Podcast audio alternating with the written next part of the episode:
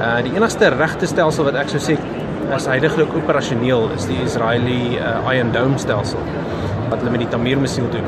Maar dit is 'n ongelooflike duur stelsel. Dit is verskriklike groot missiele wat hulle gebruik en dit is eintlik 'n front uh, verdedigingsstelsel.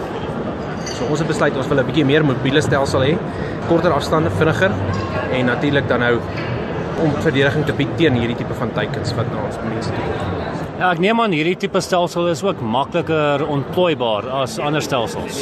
Ja, um, ons het hom ontwerp om uh, byvoorbeeld die lanseerder uh, is uh, gemaak om in 'n uh, 20 uh, voet container te pas.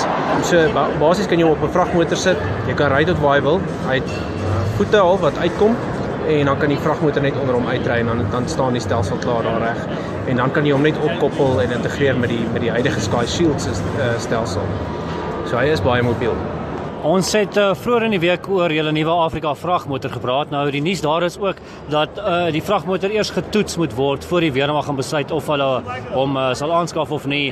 Uh, hierdie cheetah stelsel van julle is is hy klaar getoets? Uh, stel die weermag dalk daarin belang?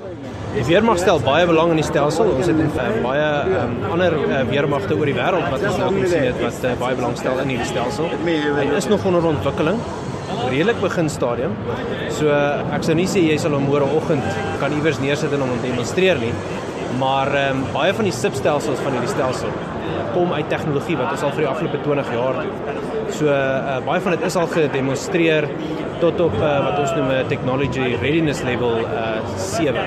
So dit dit beteken dit is al gedemonstreer op stelselvlak. So ons kan baie van hierdie komponente gebruik in die Cheetah missiel om dit dan nou vinniger te maak. So ons voorsien nie 'n verskriklike lang proses om dit te doen. Nou jy het vroeër van die DRK gepraat. Hoe, hoe baie van wat uh, ons troepe in die buiteland beleef, jy weet die aanvalle op hulle en swaan uh, kom deur na julle toe en reageer julle daarop en bou julle stelsels aan wat daai probleme kan aanspreek. Wel, dis juist hoekom ons nou hierdie uh, stelsel doen. Dis eintlik verbasend baie hoe hulle aangeval word. Mense hoor eintlik nooit daarvan in die media nie. Jy weet ons weet ons is daar, maar jy hoor nooit daarvan nie.